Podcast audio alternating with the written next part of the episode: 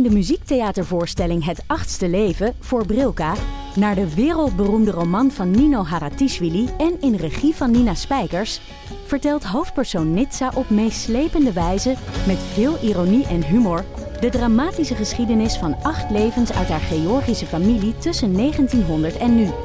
Een hartverscheurend en tegelijk troostrijk drama verteld vanuit het perspectief van vrouwen uit verschillende generaties. Waarbij het publiek meegenomen wordt op een emotionele, visuele en muzikale reis door de 20ste eeuw. Koop je tickets voor het achtste leven via oostpol.nl. Luister jij al naar de podcast Co en Zo? Ik ben Rick Paul van Mulligen. Ik ben Nina de Lacroix. En samen met jouw man René voeden wij twee kinderen op in twee huizen. Co-ouderschap. We hebben het over alles wat je daarin tegenkomt. Maar ook over de juice tijdens onze kinderloze dagen, want die heb je ook in het co-ouderschap. Een podcast voor alle ouders in alle vormen, maar ook voor alle mensen zonder kinderen. Zijn we eerlijk, heerlijk herkenbaar. Dus luister naar Co en Zo in je favoriete podcast-app. Gefeliciteerd Marilotte Hagen en alle andere luisteraars die geheel toevalligerwijs precies vandaag jarig zijn en dit nu luisteren. Welkom bij Damn Honey!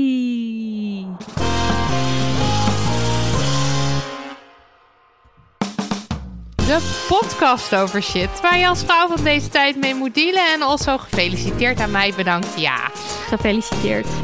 mijn, naam, is Nidia. Marilot. Gaat weer soepel dit. Vrouw van 35 Ben ik, ja. Hallo. Ja. Hallo. Dag, en dag. eh, hier een vrouw met eh, de corona. Ja, ik eh, zeg het maar vast.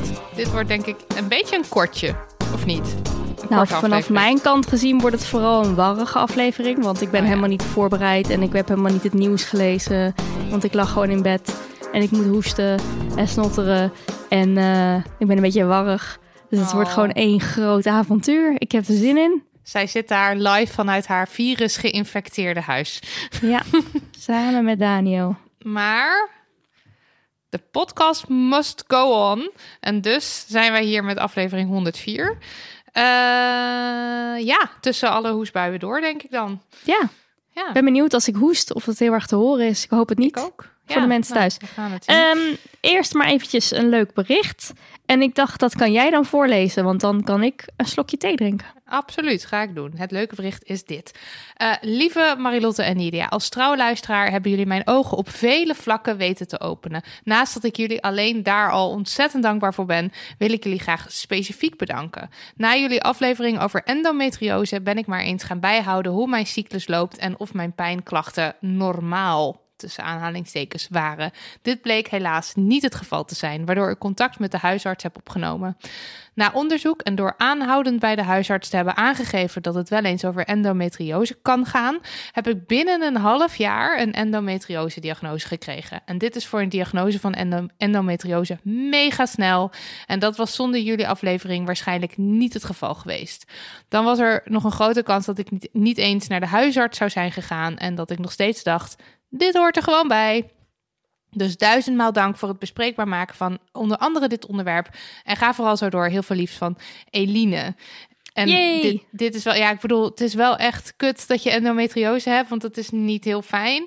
Eh, maar de, wat was het ook weer? De, de, de, de, de tijd van diagnose is zo'n Zeven. acht tot, tot tien Zeven, jaar. acht jaar? Ja, Ja, in ieder geval jaren. Ja, we hebben Dus daar aflevering over gemaakt Ja. met eh Angelique Houtveen. Dus En, die kunnen eh, mensen terugluisteren.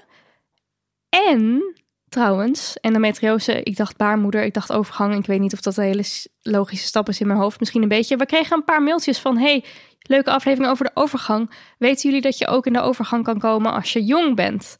Oh ja. Eh, en toen dacht ik, ja, dat weten wij wel. Maar dat hebben we blijkbaar dus helemaal niet. Dat is helemaal niet benoemd in de aflevering. Dus dat wilde ik dan nu toch nog even benoemen. Nee, ja, want ehm, ik, ik dacht, we kregen één berichtje en toen dacht ik, huh, maar daar hebben we het toch over gehad? En toen Dat dacht kregen we ik er ook, meer. maar- En, en blijkbaar dus niet, want, we, eh, want ik dacht namelijk dat jij een brief had voorgelezen van iemand die jong was en in de overgang zat. En nu twijfel ik helemaal aan mezelf. Nou, ik weet helemaal niks meer. Ik heb Nee. echt. Ik, eh, die Ja, aflevering is dus ook. Die hebben we al een tijdje geleden opgenomen.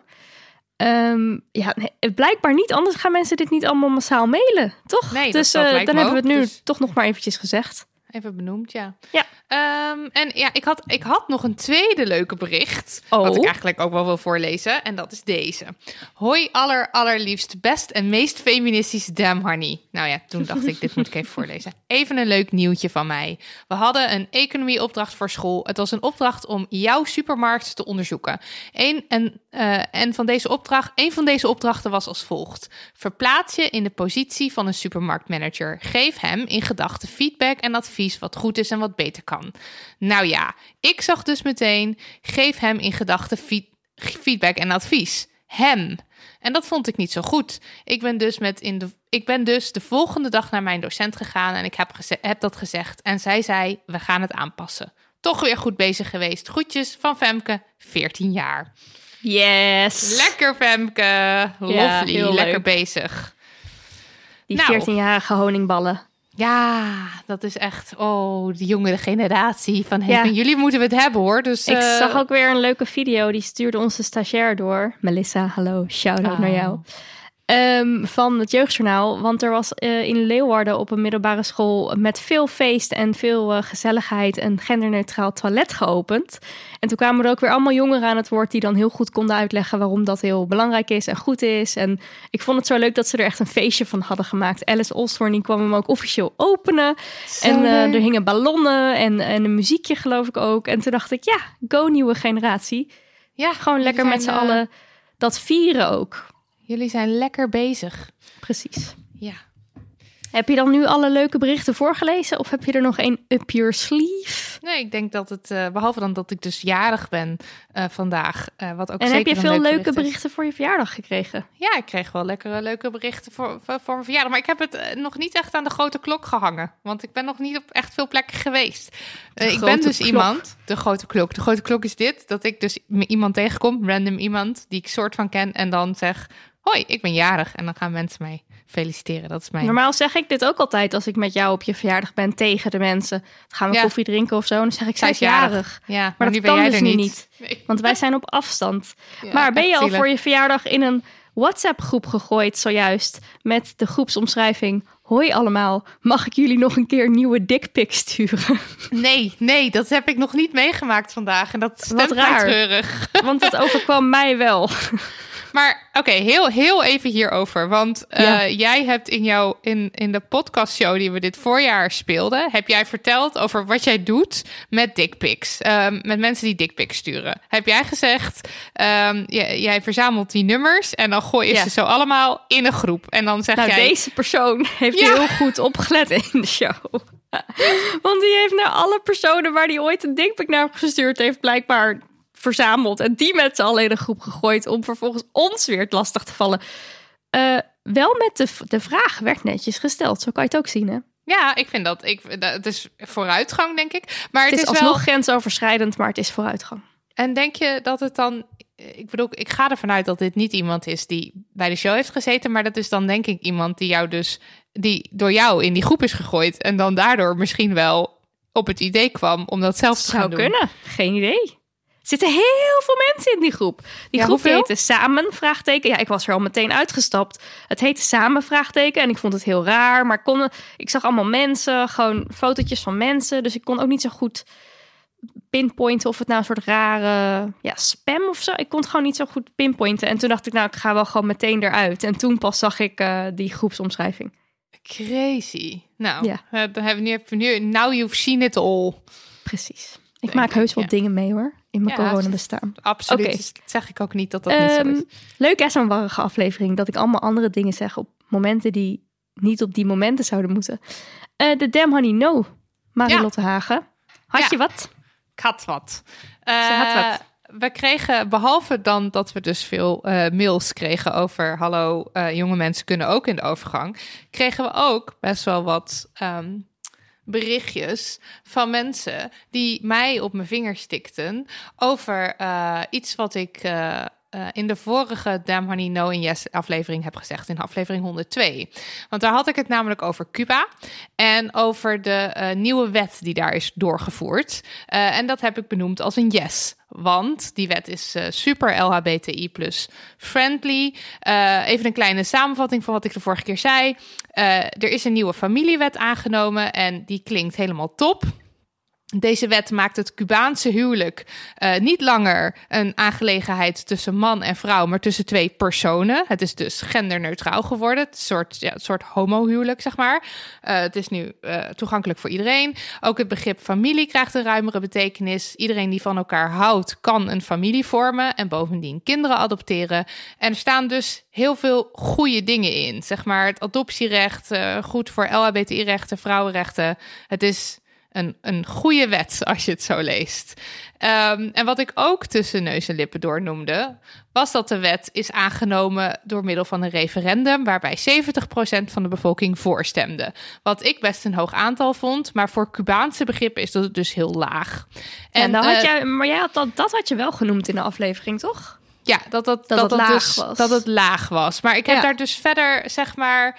eh, ja, ik heb gewoon gefaald in het me verder daarin in door, door inlezen van wat is dan, wat zijn dan de beweegredenen daarachter dat mensen Ja. bijvoorbeeld tegenstemmen. Want ehm, nou ja, eh, ik, ik, zeg maar, ik, ik hield het hier een beetje bij. Een soort van vaag, jee, er is een wet. Ja, wel met de side note. Ik stuurde jou een screenshotje door van teletext app. En je had geloof ik al een Damn Honey Yes. Dus het was een soort van... Oh, dit is ook leuk. en ook Ja, helemaal ja. Niet, niet het hoofdonderwerp waar je helemaal vol in was gedoken of zo. Nee, nee, nee, nee. Want ik, eh, we waren in eh, Iran gedoken natuurlijk. En ik, eh, en, ik, en ik heb het kort over Cuba gehad. Maar ja, vervolgens kregen we dus berichtjes met... ja, hallo, leuk en aardig dat je zo die familiewet aan het ophemelen bent. Maar eh, ehm, eh, het is allemaal helemaal niet zo rooskleurig als jij nu schetst. Het is, hier is het helemaal van, jee, Cuba. Maar er is daar echt van alles aan de hand. Ehm, dus ik dacht, dan gebruik ik nu mijn no om dan het no-gedeelte van Cuba ook even toe te lichten, zodat het een compleet verhaal is. Heel En niet alleen maar jee, nieuwe Een fijne soort wet. vervolg. Ja, en ik wil eerst even de mensen bedanken die me, of in ieder geval, ik ben een paar berichtjes kwijt, maar er zijn er in ieder geval twee die ik, eh, die ik uit de mailbox heb gevist. En dat, die zijn van Laura en Shura. Eh, dank jullie wel hiervoor, want eh, Laura schreef bijvoorbeeld: Ik was jullie podcast aan het luisteren en mijn vriend luisterde mee. Hij hoorde wat jullie zeiden over Cuba en de nieuwe wet daar en dat maakte hem erg boos. Mijn vriend is een politiek vluchteling uit Nicaragua en de vluchtelingen in, Ne- in Nederland uit Nicaragua, Cuba en Venezuela voelen zich erg verbonden met elkaar en kennen elkaar vaak. Ze zijn allemaal gevlucht uit een linkse dictatuur. Eh, de wet is volgens mijn vriend een farce, zodat westerse mensen zich minder schuldig voelen als ze naar Cuba op vakantie gaan. Cuba geeft volgens hem niets om mensenrechten. Ehm, zie de meer dan 2000 politieke gevangenen. En dus ook niet om de rechten van LHBTI plus mensen. Ze willen alleen maar meer inkomen genereren door toerisme slash sekstoerisme. Het noemen van deze wet zonder kritische kanttekeningen te maken is schadelijk voor de Cu- Cubanen. Ik denk dat links Nederland kritischer moet zijn naar de linkse dictaturen. De linkse dictaturen gebruiken dit soort dingen als greenwashing en linkse westerse mensen vallen hier constant voor. Ik denk dat dat mij dus ook overkomen is, dat ik daar als links westers mens En mij voor ook. ja, precies. Ehm, ja, en eh, goed. Kijk, dan, ik ben er ingedoken. En wat ik heb geleerd is natuurlijk ook maar gewoon wat een leek leert als je een paar uur inleest. Ehm, maar wat eh, ik, ik heb gelukkig eh, via Shura, die heeft mij verbonden met haar eh, BFF Yara, Yara Mens. En zij is, zij heeft een tijdje op Cuba gewoond. Ze werkt trouwens in de condomerie. en, wat eh, leuk. leuk hè? Ja. Ja. En zij, heeft maar, zij heeft een tijdje op Cuba gewoond en ze schrijft haar, ehm, haar scriptie, eh, haar, haar masterscriptie op dit moment over eh, seksuele voorlichting, voorbehoedsmiddelen en abortus in Cuba. En ze is ook eh, gespecialiseerd in ja, Cuba. Dus ze is een Cuba-kenner. En ik vroeg haar dus, want zij had dit commentaar ook aan mij. en ik vroeg haar of ze misschien wat wilde inspreken over de situatie daar en waarom het dan zo belangrijk is om, zeg maar, oké, je mag blij zijn om een goede wet, maar waarom is het zo belangrijk om ook ehm, eh, to- toch alle, zeg maar, misstanden daar mee te nemen? En wat zijn die misstanden dan? Mhm. Dus zij heeft eh, wat eh, ingesproken voor ons. Mm. Nou, laat ik vooropstellen dat het natuurlijk heel erg goed is dat Cuba deze nieuwe progressieve familiewet heeft aangenomen. Uh, maar waar ik zelf moeite mee heb, is met het dubbele politieke spel wat er gespeeld lijkt te worden.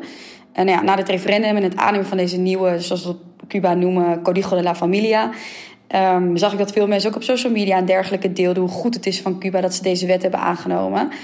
Um, maar ja, het lijkt ook wel vooral de aandacht af te leiden van wat er echt op het eiland aan de hand is. En dat is dat er nauwelijks eten is, elektriciteit werkt slecht, er is geen vrijheid van meningsuiting en het hele land trekt massaal leeg omdat ze op Cuba geen uh, toekomst hebben. Um, nou, dat is al een hele tijd aan de gang, maar juist nu, ook na orkaan Ian, is het allemaal nog veel erger geworden. Er zijn ook in de laatste weken heel veel protesten geweest, omdat mensen dus urenlang geen elektriciteit hadden. Nou ja, en het kleine beetje eten wat ze dan hadden, dus ook weg moesten gooien omdat de koelkast het urenlang niet had, uh, had gedaan. En ik heb zelf vrij veel vrienden op Cuba. En het voelt voor mij dan toch dubbel dat iedereen dan deelt van woehoe, lekker bezig Cuba. Terwijl ik vervolgens mijn vrienden aan de telefoon heb die geen eten hebben, op alle mogelijke manieren het land proberen te ontvluchten en zich alles behalve vrij of gehoord voelen. En het is gewoon typisch, want juist in een week dat het hele land op zijn kop staat, mensen de straat op gaan, wat op Cuba sowieso al vrij zeldzaam is, komt dan zo'n nieuwe wet naar buiten. En dan lijkt het een beetje alsof de overheid zichzelf daarmee in een goed daglicht wil zetten tegenover de rest van de wereld. Terwijl er al die tijd uh, nou ja, volop mensenrechten worden geschonden. Dus het komt dan een beetje over als een afleiding van de enorme problemen die ze daar hebben, daar hebben. En ook een soort van democratisch gebaar, terwijl Cubanen daar zelf leven in een dictatuur waar ze zich niet kunnen uitspreken en als ze dat wel doen, uh, in de gevangenis worden gegooid. Nou ja, ook is het zo dat er een nieuwe groep progressieve jongens opgestaan, wat ook een van de redenen is dat de uh, dat er nu wel protesten zijn, wat vroeger op Cuba eigenlijk ondenkbaar was. Jongeren die zich uitspreken tegen het regime. Nou, daardoor is die onvrede op Cuba ook alleen maar groter geworden. En hoewel deze jonge generatie voor een heel groot gedeelte ook uh, achter deze progressieve wet staan, zien zij het um, ook meer als een afleiding van wat er daadwerkelijk aan de hand is. En dat is overigens ook een van de redenen dat sommige van hen dus tegen deze wet hebben gestemd. Niet omdat ze dan tegen het homohuwelijk bijvoorbeeld zijn, maar omdat ze tegen de overheid zijn uh, en zich gewoon niet gehoord voelen. Dus ja, kortom, het, uh, heel goed uh, van Cuba dat ze dit doen. Maar ik twijfel gewoon heel erg aan de intenties van de overheid. En het leidt, wat mij betreft, de aandacht af van waar de Cubanen willen dat wij het over hebben. Namelijk dat het leven op Cuba op dit moment niet meer te doen is en dat het anders moet. En daarom gaan ze de straat op. En dat is, willen waar, ze, dat is waar ze willen dat we, dat we hierover schrijven of waar we hierover praten. In plaats van het goede dat Cuba op dit moment aan het doen is. Wow. Ja. Wat is zij Super. goed ook in hoe duidelijk ze dat even uitlegt. In één keer. Want ik zat dus, ik ging uh, natuurlijk go googelen op Cuba en overheid en hoe het dan zat en zo. En dan kom je echt in een ja, berg aan informatie. Maar dit ja. is gewoon heel duidelijk. Er is daar, ja, en, en zeg maar, de partij die daar aan de macht is, dat is de Communistische Partij. En die duldt gewoon geen tegenspraak. Er is gewoon, er is geen vrijheid van meningsuiting, er is geen persvrijheid. Um, en als je daar protesteert tegen de overheid, dan is dat dus ook een daad van. Uh, dat, is, dat, is, dat is heel dapper. Want je, het ja. wordt, je wordt gewoon neergeslagen. Um, er zijn vorig jaar ook grote opstanden geweest waar. Um, mensen ook hardhandig zijn neergeslagen. Daar heeft de Human Rights, Watch, Human Rights Watch ook een rapport over geschreven. Over de misstanden die toen zijn gebeurd. Um, het is. De situatie in Cuba op dit moment is niet goed. Nee. Um, en mensen kunnen ook geen kant op, want het is bijna niet mogelijk om je uit te spreken tegen de overheid. Dus dit, dat er dus 70 procent voorgestemd heeft, dat is dus een laag aantal. En het kan dus zijn dat daar, of er zitten daar waarschijnlijk mensen bij die in principe voor die wet zijn, maar dat het een daad ja. van verzet is om tegen te stemmen. Ja. En dan kan je dus ook uh, uh, je afvragen: wat is dan de reden dat nou juist deze wet, zeg maar alle andere wetten, worden er door de communistische partij gewoon, wordt gewoon aangenomen. Ja, ja, ja daar maar heeft, hier mag daar je dan op wel op stemmen. En dan op ja. de LHBTI-wet, op de familiewet, op die wet die juist heel belangrijk is en waar mensen dan helemaal zo lekker op gaan en zo. Ja. Die wet, daar mogen mensen dan wat over zeggen. Daar zitten hele slimme PR-mensen ja. daar. I know. En wij, dus... zijn er vol ingetuind met onze. Ah linkse uh, hoofden. Ja, absoluut. Helemaal met open oog. Nou, ik vroeg Jaren dus ook nog van... wat kan je nou als luisteraar uh, van deze podcast nou betekenen voor Cuba? Ja. En daar heeft ze ook nog wat over ingesproken. Ah. Ja, goede vraag wel. Ik heb even zitten nadenken. Ik, ik, ik, ik zou zeggen, kijk, ik denk dat dit deel van het verhaal ook gewoon heel erg belangrijk is dat dat ook verspreid wordt. Uh, want ik denk natuurlijk dat heel vaak het. het um, Cuba wil natuurlijk een bepaald beeld van zichzelf naar buiten brengen. Nou, dat is bijvoorbeeld dit, maar je kan ook aan denken aan, weet je wel, dat ze natuurlijk heel vaak toeristen willen aantrekken van, oh, salsa, leuk, Cuba, prachtig. Um, het is natuurlijk best wel moeilijk om inderdaad bijvoorbeeld journalistiek uit te oefenen op Cuba. Um, om inderdaad daar uh, kritische verhalen te schrijven of te maken. Omdat ze gewoon daar heel streng in zijn in wat ze wel of niet toelaten. Dus ik denk dat dit verhaal, eigenlijk wat er daar gaande is... Ik bedoel, het komt, het komt wel bij ons. Je, het staat ook aan de kranten. Maar ik denk dat het zelfs nog veel meer kan zijn. Omdat het voor die Cubanen is het heel erg belangrijk... dat wij dit als wereld weten wat zij doormaken. Dat er verbetering ook moet komen. Um, maar uh, het is best, denk ik, best moeilijk voor hen um, om die situatie aan te kaarten of zo. Omdat ze natuurlijk en op een eiland zitten en in een dictatuur leven en geen uh, vrije pers hebben. Dus ja, ze kunnen wel wat naar buiten brengen. Maar dat is allemaal best wel lastig. Dus dit verhaal over die donkere kant, over wat er eigenlijk op Cuba aan de gang is of, of hoe lastig het is, dat is denk ik gewoon een heel erg belangrijk verhaal wat verteld moet worden en wat ook verspreid moet worden. Uh, dat mensen dit weten. Ja, dus dat. Dit doet me ook weer heel erg denken aan het gesprek wat we vorige week hadden over, of wat twee weken geleden hadden over Iran. Dat ja. zeg maar dat het, uh, oké, okay, wij zitten niet, wij zitten niet in Cuba, wij zitten niet in Iran, maar uh, en wat we zeker niet moeten doen, is alleen maar roepen: hey, jee, Cuba, lekker bezig met je wet.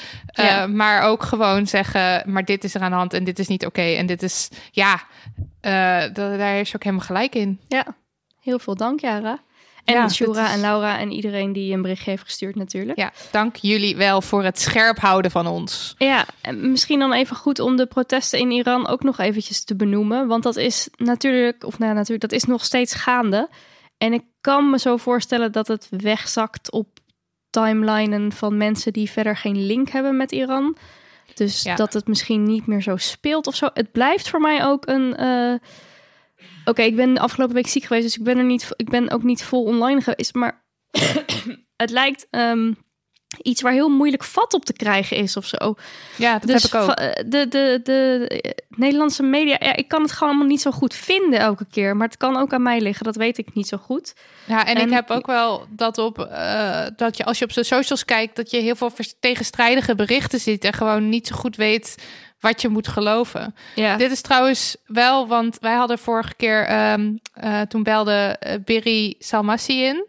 Mm -hmm. En uh, zij is ook te gast geweest in de podcast de Ver van je bed show, Ver van mijn bed show. Waar ze ook nog heel duidelijk heeft uitgelegd en uitgebreider nog wat daar oh, aan goeie. de hand is.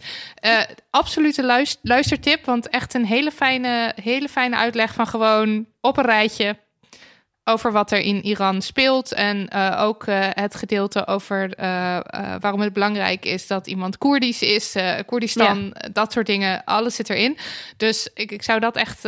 ik zet hem in de show notes. Dan ja. luister dat. Een van de laatste dingen die ik van Berry las, is dat er um, allemaal ja, gruwelijke beelden van geweld. Ja. van het Iraanse regime tegen demonstranten ja, de wereld zeg maar inkomt. Uh, en dan met name uit de regio waar haar familie vandaan komt. En dat is de Iraans-Koerdische regio Baan. Of ja, ik weet, ik weet niet hoe ik dat goed uitspreek. B-A-N-E. Waar ze dus, um, dit is heftig geweld, wat ik nu ga zeggen. Dan weten mensen dat die luisteren. Uh, schieten met machinegeweren op burgers. Um, dus want, ja, het kan soms ook een beetje in die Nederlandse media ook een beetje verzanden in een soort um, ja, we knippen ja. ons haar af en het is allemaal mooi. En, en de, de, de, er was ook een goed stuk op One World, waarin een aantal mensen die een band hebben met Iran zeiden van ja, maar de echt um, heftige beelden die worden niet gedeeld van uh, een jonge vrouw die wordt doodgeschoten. Uh, en er zijn ook allerlei jongeren, ook al een stuk of twintig of zo, zag ik net bij Amnesty voorbij komen, die, uh, die gewoon vermoord zijn ja. um, op straat. Uh, dus dat is ook het protest. Het is natuurlijk niet alleen maar met je haren wapperen uh, in de wind of zo. Ik weet niet. Het heeft. Ik, misschien zit het ook wel meer in mijn hoofd. Ik ben ook gewoon warrig. maar de, de, ja, het is natuurlijk nee, heel dat, heftig. Ik denk, ik denk dat je en, gelijk en hebt hoor. Tegenstand ja. van Iran is natuurlijk niet uh, zo. Is niet van. oh, oké, okay, dan dan doen we het nu even anders of zo. Weet Ja. je wel, ze gaan er gewoon hard in. En Ja. dat hebben we wel ook in de vorige aflevering hebben we het ook al over raketaanvallen gehad. Maar goed, dit is ook nog steeds gaande allemaal. Ja, en eh, er, eh, ook hier kun je iets doen en iets heel eh, praktisch zelfs. Want op 16 oktober dan is er een protest.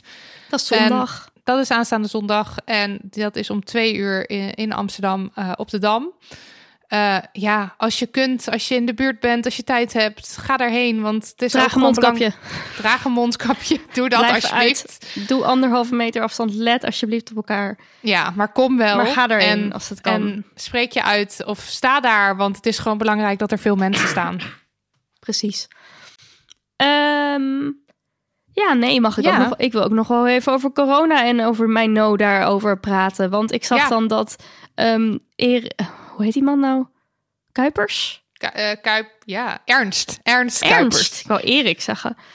Zag ik dat hij dan de, de, de thermometer, de coronathermometer, eh een standje omhoog heeft gegooid. Omdat de besmettingen dus oplopen. Toen ging ik even kijken van oké, maar wat is dan, weet je wel... Dus je ziet dat de besmettingen oplopen. En wat is dan je plan als land? Dus je gaat die thermometer omhoog gooien. Het plan was dat de kwetsbare mensen zeg maar beter moeten opletten. Eh, hallo? Oké. Zo van, oké, de kwetsbare mensen die letten al volop op. Die zijn al ehm 2,5 jaar nu eh, in isolatie. Eh, en als ze moeten, dan zullen ze naar buiten gaan. Maar ook met mondkapjes. Die, het is niet de kwetsbare mensen die... Nee. En ik snap gewoon zo niet waarom een mondkapje in openbare ruimtes, weet je wel, wat, Ik ook niet. hoeveel te veel gevraagd is het? Eh, OV, supermarkten, doe het toch alsjeblieft gewoon op. Ook als, je, ook als het de overheid weigert om dit te vragen van mensen. Bedenk gewoon bij jezelf, ik ga het opdoen. Wat ik van mensen om me heen meekrijg, is dat het gewoon mega aan het razen is. Nou, ik ben er zelf een enig eh, leuk voorbeeld van. Ehm, het, ja, ik, nou, ik, we waren Ja, geef- natuurlijk al pist op geef- hoe, het, eh, hoe hiermee wordt, wordt omgegaan door de overheid. Maar ik, nou ja, dat die Ja. thermometer omhoog wordt gegooid en dat dat niks betekent. Maar dat er dus wel een soort, ja, we zien inderdaad dat het heel erg aan het rond. Ja, dat zien we. Ja, oké. Nou, is goed. Waarom dan die thermometer als je toch fucking niks gaat doen? Het is, ik- het is, eh, nou ja, ja, en ik snap niet. Geef mensen dan gewoon in ieder geval de kans om het te ontwijken. Want je krijgt gewoon ook de fucking kans niet. Nee, als precies. kwetsbaar mens niet, als, als, als, als regular, eh, weet ik veel, gewoon. Nou, je weet nooit of je kwetsbaar bent, maar los Nee, daarvan, als je als- aanneemt zeg dat je niet kwetsbaar bent, wat een nogal harsh aanname is, maar ook Wat dan. ik even zeg maar, als je kwetsbaar bent en je houdt al en je weet dat en je houdt al heel lang rekening, eh, zelfs dan kan je het bijna niet ontlopen, want het is overal en mensen dragen geen mondkapjes. Ja. I know. Oké. Nou goed, hoef ik jou niet te vertellen inderdaad. Nou, geef me ook nog even, laten we wel dit even eindigen met een positieve noot. Het is een soort semi-positief. Ehm, Ja, want dat ja, is ik altijd, moest dus hè? met een nieuwtje komen. Maar ik zit dus niet zo in het nieuws. En toen dacht ik, oh, maar het is misschien wel heel goed om eventjes iets te vertellen over de Ik Verdien Meer campagne. Ehm, want dat is namelijk een heel groot project ehm, vanuit allerlei eh, toffe organisaties, zoals Women Inc., en Stem Vrouw en Speak en Feminist Against Ableism en Atria en Clara Wigman en Emancipator, noem maar, zeg maar alle grote dingen op. Ehm, FNV Women's March NL. Ehm, en Sophie van Gol is eh, volgens mij wel echt de initiatiefnemer. Misschien een van de, maar ik heb het gevoel dat zij wel echt degene is die het heel erg in gang heeft gebracht. En Sophie van Gol die heeft eh, vorig jaar een boek geschreven over de loonkloof. Want daar gaat deze campagne over. En toen hebben wij ook een eh, podcast met haar daarover opgenomen. Ehm, hoe heet haar boek ook alweer? Eh, waarom vrouwen, Vrouwen minder, minder verdienen. verdienen en waarom dat erg is. En wat we eraan kunnen doen. Waarom Oh ja. vrouwen minder verdienen en wat we eraan kunnen doen. En ze is dus vorig jaar ook bij ons te gast geweest. En als je echt helemaal een uitgebreide uitleg van de loonkloof wil, dan moet je die even luisteren. Of is het alweer twee jaar geleden, zit ik nu te denken. Hmm. Nou, maakt ook niet uit. Eh, maar ik kan het wel even heel, heel kort vertellen. Eh, de loonkloof betekent dat in Nederland vrouwen minder verdienen dan mannen. En in een werkend leven verschilt dat 300.000 euro.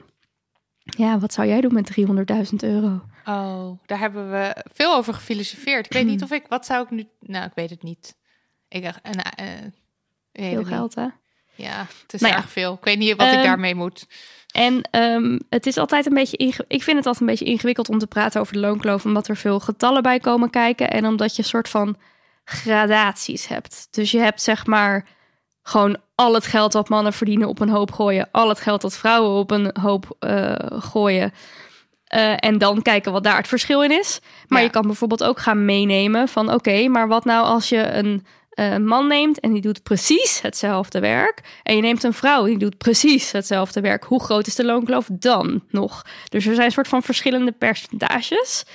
Ehm, en zeg maar, ehm, voor gelijkwaardig werk verdienen vrouwen per uur 6% minder. Dus zeg maar echt 100. We doen allemaal precies hetzelfde. Dan nog is er dus een loonkloof van 6%. En ehm, eh, sorry hoor, even hoesten. Ehm, maar er zijn dus ook allerlei andere factoren eh, die je dus wel of niet mee kan nemen, waardoor de loonkloof, loonkloof groter of kleiner is. Ehm, maar het bruto uurloon ligt voor vrouwen gemiddeld 13% lager dan voor mannen. Dat is dan waar, waar ze op uitkomen. 13 Snap je nog? procent. Ja, 13 procent. Ja. Ehm, en nou, de oorzaak van de loonkloof, dat zijn dus allerlei verschillende dingen. Want je kan het op allerlei verschillende manieren, kan je verschillende dingen verklaren. Dus bijvoorbeeld dat eh, mannen nog steeds oververtegenwoordigd zijn op machtsposities. En machtsposities die komen natuurlijk vaak hand in hand met geld. Dus Ja. dat is één ding. Dan heb je ehm, de sectoren waar eh, vrouwen eh, oververtegenwoordigd zijn. Dat zijn sectoren waar het loon relatief laag ligt, zoals bijvoorbeeld de zorg en het onderwijs. Eh, en er is ook een soort van sommetje gemaakt. Dus dat het salaris voor verpleegkundigen en verzorgenden 9% lager ligt dan dat van werknemers met een vergelijkbare opleiding in andere sectoren. Ja, dus, op dat betekent dat, manier.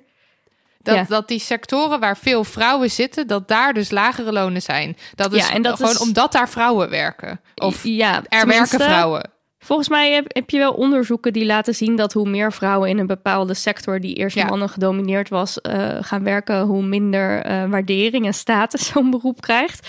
Ehm, maar in ieder geval, dat is dus wel zo. En, en dat is op een of andere manier vinden we dat dus met z'n allen gewoon heel logisch. Van oh ja, zorg en onderwijs, ja, die baantjes, weet je wel, dat is gewoon, tenzij je echt in de bedrijfstop zit, waar dus vaak weer meer mannen zitten, ja, dan zijn dat gewoon banen die minder goed verdienen. Terwijl dat hele zware banen zijn. En we hebben ook Mhm. bijvoorbeeld in de coronatijd gezien, toen heel veel dingen eigenlijk ehm, teruggeschroefd werden, eh, dat onderwijs en zorg, ja, daar ontkom je gewoon niet aan. Dat zijn gewoon zulke grote belangrijke pijlers. Maar blijkbaar belonen we de mensen die daarin werken dus niet eh supergoed. Nee, maar het gaat toch ook eigenlijk helemaal niet om geld, want daar word je niet gelukkig Nee, van. precies. Ja, dat wordt natuurlijk ook wel vaak gezegd. Hè? Het, eh, dat vrouwen ehm, dat dan eh, bijvoorbeeld zelf zouden zeggen. Of dat ze niet Mhm. zouden kunnen onderhandelen, omdat ze dat soort dingen vinden. Terwijl Ja. er ook weer onderzoeken zijn er als, als je als vrouw onderhandelt, dat er eigenlijk geen goede weg is. Want je kan niet onderhandelen, dan krijg je geen geld. Je kan wel onderhandelen en dan ben je weer degene die gaat onderhandelen. En dan ben je weer de zeik, dat zeikwijf of die, Ja. die, die bitch die eh, voor zichzelf eh, opkomt en veel te hoge eisen stelt of zo. Je is een soort van damned if you do of zo. Hoe zeg je dat ook alweer? Ja, ja Damned- damned if you do, da- damned, if, you don't. Ja, you can't win. Ja, zoiets, ja. Ehm, en dan heb je bijvoorbeeld ook nog een factor die meespeelt. Vrouwen die nemen nog altijd veel meer onbetaald zorgwerk werk op zich dan mannen. Dus bijvoorbeeld zorg voor ehm, ouders, eh, mantelzorg of eh, zorg voor kinderen. Eh, als je daar naar de statistieken kijkt, zie je ook gewoon dat vrouwen dat gewoon nog steeds veel meer doen. Terwijl loondiscriminatie natuurlijk. Eh, als je, oh ja, wacht, sorry, ik maak nu even, ik, ik sla nu een stapje over, namelijk de stap. En je hebt dus nog steeds ook gewoon precies hetzelfde werk en toch krijgen vrouwen minder. En dat is Ja. seksisme, eh, neerkijken op vrouwen minder. Waar, ja, ik weet, ja, I don't know waarom mensen denken van, oh, je bent een vrouw, dan hoef je minder geld. Eh, dat is gewoon heel raar. En dat is dus ook echt gewoon bij wet verboden. Mag helemaal niet. Maar Nee. het komt dus wel nog steeds best wel veel voor. Ehm, en ehm, die actie, dus die campagne, Ik Verdien Meer campagne, ze gaan dus op Equal Pay Day, dat is op 14 november, gaan ze een soort grootschalige eh, actie organiseren. En ehm, heel precies wat ze dan gaan doen, dat is nog niet helemaal duidelijk. Eh, en wat ik er alleen heel lastig aan vind, is dat ze er overal een beetje nog vaag over doen, maar dat er wel op een plek van de website wel iets staat wat ik misschien wel gewoon voor kan lezen. Ik weet niet of ik het allemaal spoilers geef, maar het staat hier gewoon op de website. Dus Nou ja, dan mag ik, ik zou wel zeggen, zeggen, toch? geef ons een teaser. Oké. Eh, ze organiseert, eh, de Stichting Gelijke Beloning organiseert een landelijke actiedag. Op deze dag staken wij met zoveel mogelijk vrouwen om aandacht te vragen voor het feit dat vrouwen nog altijd minder geld verdienen dan mannen. En ehm, nou, over staken gesproken en over Ja. vrouwen, daar heb ik een heel leuk verhaal over. Ja, Namelijk IJsland. ja IJsland. IJsland. In IJsland deden ze het. In IJsland legden vrouwen massaal al hun taken naast zich neer. En dat hebben ze heel lang geleden al gedaan. Eh, op 24 oktober 1965, zeg ik met een vraagteken tegen Nog een Marilotte. keer 24 oktober 1975. Oh, 75. Oké. weet ik vrij zeker, maar jij gaat het nu opzoeken. Ja, maar ik typ alweer 57, dus het gaat allemaal weer fout. 24 Ehm, oktober ja, 1975, lieve 75. mensen. Ja. Toen hebben dus ehm, eh, vrouwen besloten van nou, ik ga het gewoon niet meer doen. Ik ga niet meer, ik ga gewoon niet meer eh, naar mijn werk. Ik ga niet, ook niet voor de kinderen zorgen. Ik doe gewoon niet meer mee die dag. En toen werden dus mannen 24 uur met hun neuzen op de feiten gedrukt. Zo van, oh, huh, maar als vrouwen niet meer meedoen, dan ligt gewoon dat land stil. Want ik moet naar mijn belangrijke baan. Maar ja, hier zit een kind. Wat ga ik met dat kind doen? Nou, kind maar mee naar werk. Het was gewoon één grote chaos die dag in IJsland, als je de overleveringen moet geloven. En vijf jaar later kreeg ze de eerste vrouwelijke premier. En dit jaar staat ze weer op eh, nummer 1 in de Global Gender Gap Index. En wij staan op nummer 28. En eh, die staking, dat is iets waar gewoon nog steeds wel naar teruggerefereerd wordt. Van dat is een belangrijk moment. En ik vind dat gewoon zo vet dat ze dat gedaan hebben. Heb je niet, want we hebben het hier natuurlijk over gehad met Sophie van Gol eh, toen zij het gast was over IJsland ook. Want ik ben ook helemaal weg van dat verhaal. Droom Ja. jij niet sinds jij hebt geleerd dat ze dat hebben gedaan, droom je dus niet dat we dat in Nederland ook gaan doen? Ik kan me dat ja, echt als dat zou lukken, alles wat ik wil. dan zou je mij natuurlijk niet gelukkiger krijgen. Maar, of nee, Nee. dat is een beetje overdreven. Ik bedoel, world peace. maar eh, nee, eh, dat zou fantastisch zijn. Ik, ja, ik, ja, ik hoop dan dat mensen zich hier druk om kunnen maken. Ik ben dan Ja. toch weer bang dat mensen denken, ja, maar ik vind het, eh, eh, ik vind het eigenlijk niet zo erg, die loonkloof of zo.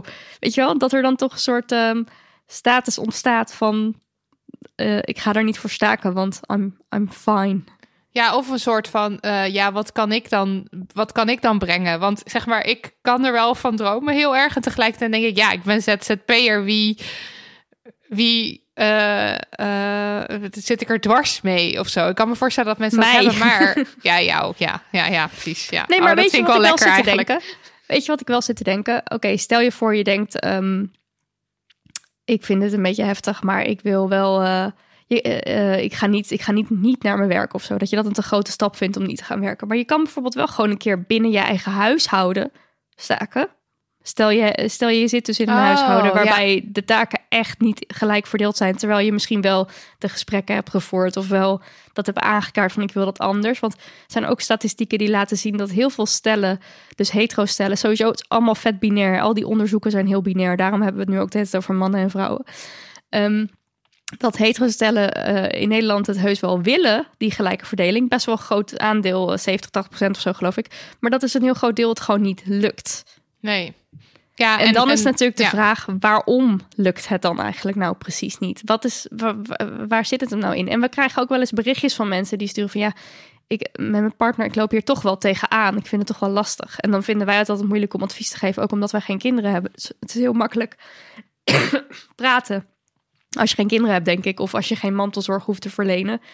Want dat zijn natuurlijk zulke grote zorgtaken die er dan bij komen. Ja, want ik denk natuurlijk bij werk, ik voor mezelf denk ik gewoon echt alleen maar aan dat wat ik doe om geld te verdienen. Want verder, ja, ik bedoel, het dichtst in de buurt van mantelzorg wat ik ooit ben gekomen is als Cato er aflicht wekenlang. Ja. Eh, en ze gaat, dat is zeg maar, en dat is zwaar. Ik bedoel echt, eh, dat is een fractie van wat mensen, waar mensen mee te dealen hebben als ze moeten mantelzorgen of als ze kinderen, als ze de zorg voor kinderen hebben. Ja. En eh, ja, daar, daarin kan ik denk ik als kinderloos persoon en mantelzorgloos persoon gewoon weinig aan toevoegen of zo. Ja. Maar ja, ik zit ook te, ik zit even, ik zit nu gewoon een beetje hard op te denken, want ik had het dus niet goed voorbereid. Eh, je kan ook gewoon natuurlijk, als jij altijd degene bent die zo aangeloerd wordt van, nou, nu ga jij notuleren, toch? Want jij bent een vrouw. Of nu ga jij koffie halen, toch? Daar op dat soort momenten ook staken tussen aanhalingstekens. Hoef je niet zo, als je dat wil, kan je zeggen, nee, ik doe het niet. Maar je kan ook gewoon, Het je kan doen. het ook een beetje gewoon niet doen. Ja, een soort van het gewoon niet doen. Of als er weer een verjaardag georganiseerd moet worden, of, of versiering, of zeg maar, eh, of kaarten verstuurd worden, zeg maar van die taken die misschien automatisch bij eh, de dochter in het gezin of, of de, de vrouw in huis of whatever, dat je dan gewoon eens een keer denkt, nee, maar ik ga het gewoon nu niet doen. En dan gaan mensen vanzelf wel zien wat er gebeurt als ik de verjaardag niet regel of als ik, nou ja, noem maar op. Ja, dat je dat ze. Is ook staken. Nou, d- dat is wel het met de neus op de feiten drukken, natuurlijk. Want dat is heel erg. eh, oh, jij, jij, jij regelt. Jij bent niet zeg maar de manager van deze verjaardag nu. Even op dit moment. Precies. En dan, en dan kijk je gewoon wat komen gebeurt. mensen erachter dat er zoveel nodig is. voordat er inderdaad die mensen op die plek zijn. om, het, om dat feest te vieren. Dat, eh, ja, dat heeft wel zin. Maar het allerleukste is als iedereen dat doet op 14 november 2022 Ja, in Nederland. maar laten we vooral eventjes de campagne in de gaten houden. Ik verdien meer. ehm, eh, ze hebben een website, ikverdienmeer.com. Dus dat is heel makkelijk. En je kan ze ook volgen op Instagram. Ik verdien meer campagne is het dan helemaal aan elkaar. Eh, ja, ik vraag me af of ik nou een enorme spoiler heb. Ik weet het gewoon even niet zo heel We goed. gaan het zien. En anders Sorry, dan hebben we alvast alle anders. luisteraars van Dem Harnie opgeroepen om mee te doen met 14 eh, november. 14 november, ja. Ja. En eh, wij, wer- wij, eh, wacht, wacht, wacht. Wij werden nog gevraagd om een, eh, om een quote voor deze campagne. En toen hebben we gezegd: fuck de loonkloof. Soms is het kort maar krachtig. Precies. Wat je wil zeggen. Ja. Oh ja, maar ze hebben natuurlijk ook, sorry, waar ben ik nu nog niet eens aan toegekomen? Ze hebben natuurlijk, het is niet alleen die actie, ze hebben ook een heel goed manifest met allerlei, ze, ze dragen allemaal dingen aan hoe we dit nou kunnen oplossen. Want het is natuurlijk een redelijk complex ehm, probleem. Probleem. Ja. Maar er zijn dus wel degelijk ook oplossingen voor. En eh, die ga je als eh, individu niet zozeer voor elkaar krijgen. Ehm, maar er zijn natuurlijk allerlei dingen. eh minimum minimumloon verhogen. ehm, eh, onderzoek laten doen, ook naar andere groepen. Want we hebben het nu net over man-vrouw. En dat komt omdat er in Nederland eigenlijk alleen maar onderzoek gedaan wordt naar de loonkloof man-vrouw. Maar je hebt natuurlijk ook allerlei andere gemarginaliseerde groepen die hier keihard ook mee te maken hebben. En waarvan de kloof waarschijnlijk nog veel groter is. Terwijl we dat Ja. dus niet in kaart hebben. Want we hebben die cijfers dus niet. Dus ehm, de, eh, ik verdien meer, die eist ook dat de, het CBS, Centraal Bureau voor de Statistiek, dat ze dat ook gaan onderzoeken.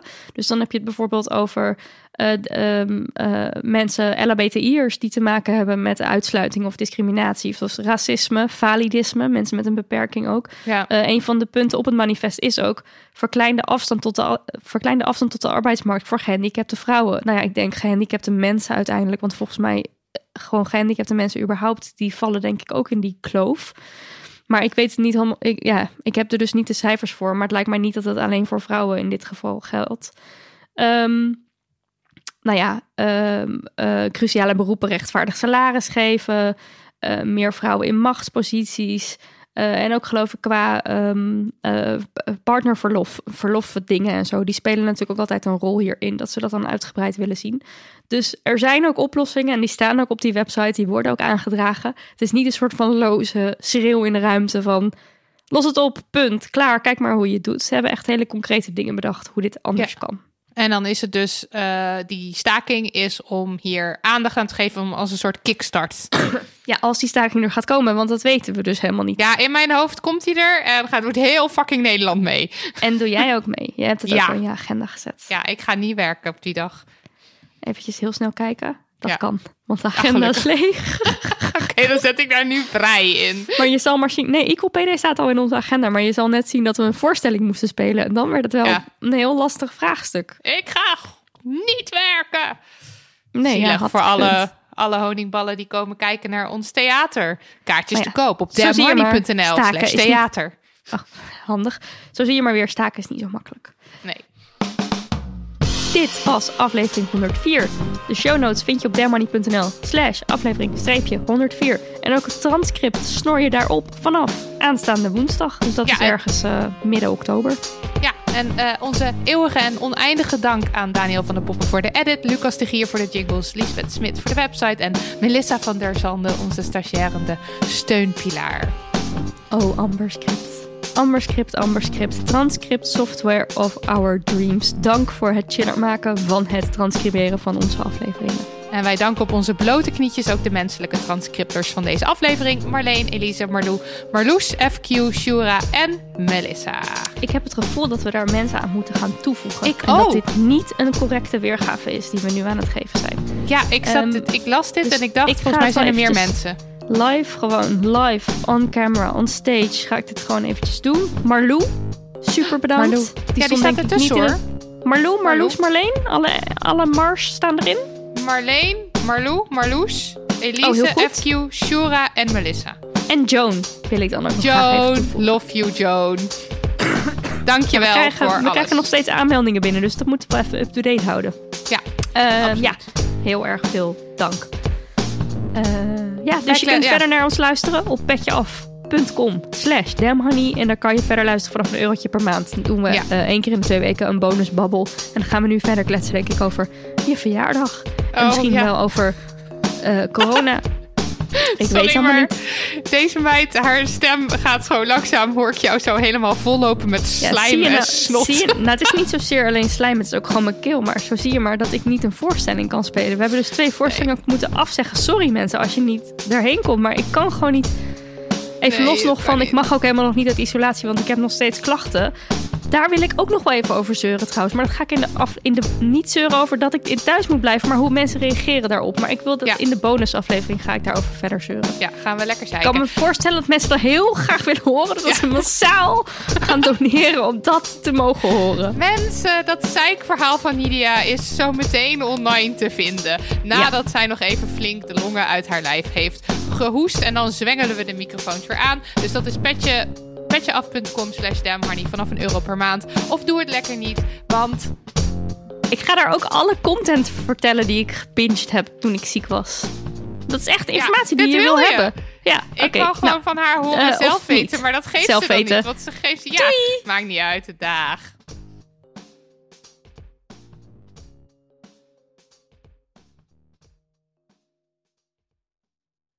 Nog even over die grootse en epische muziektheatervoorstelling. Het achtste leven voor Brilka is een marathonvoorstelling van 5 uur. Koop je tickets voor deze bijzondere theateravond via oostpol.nl.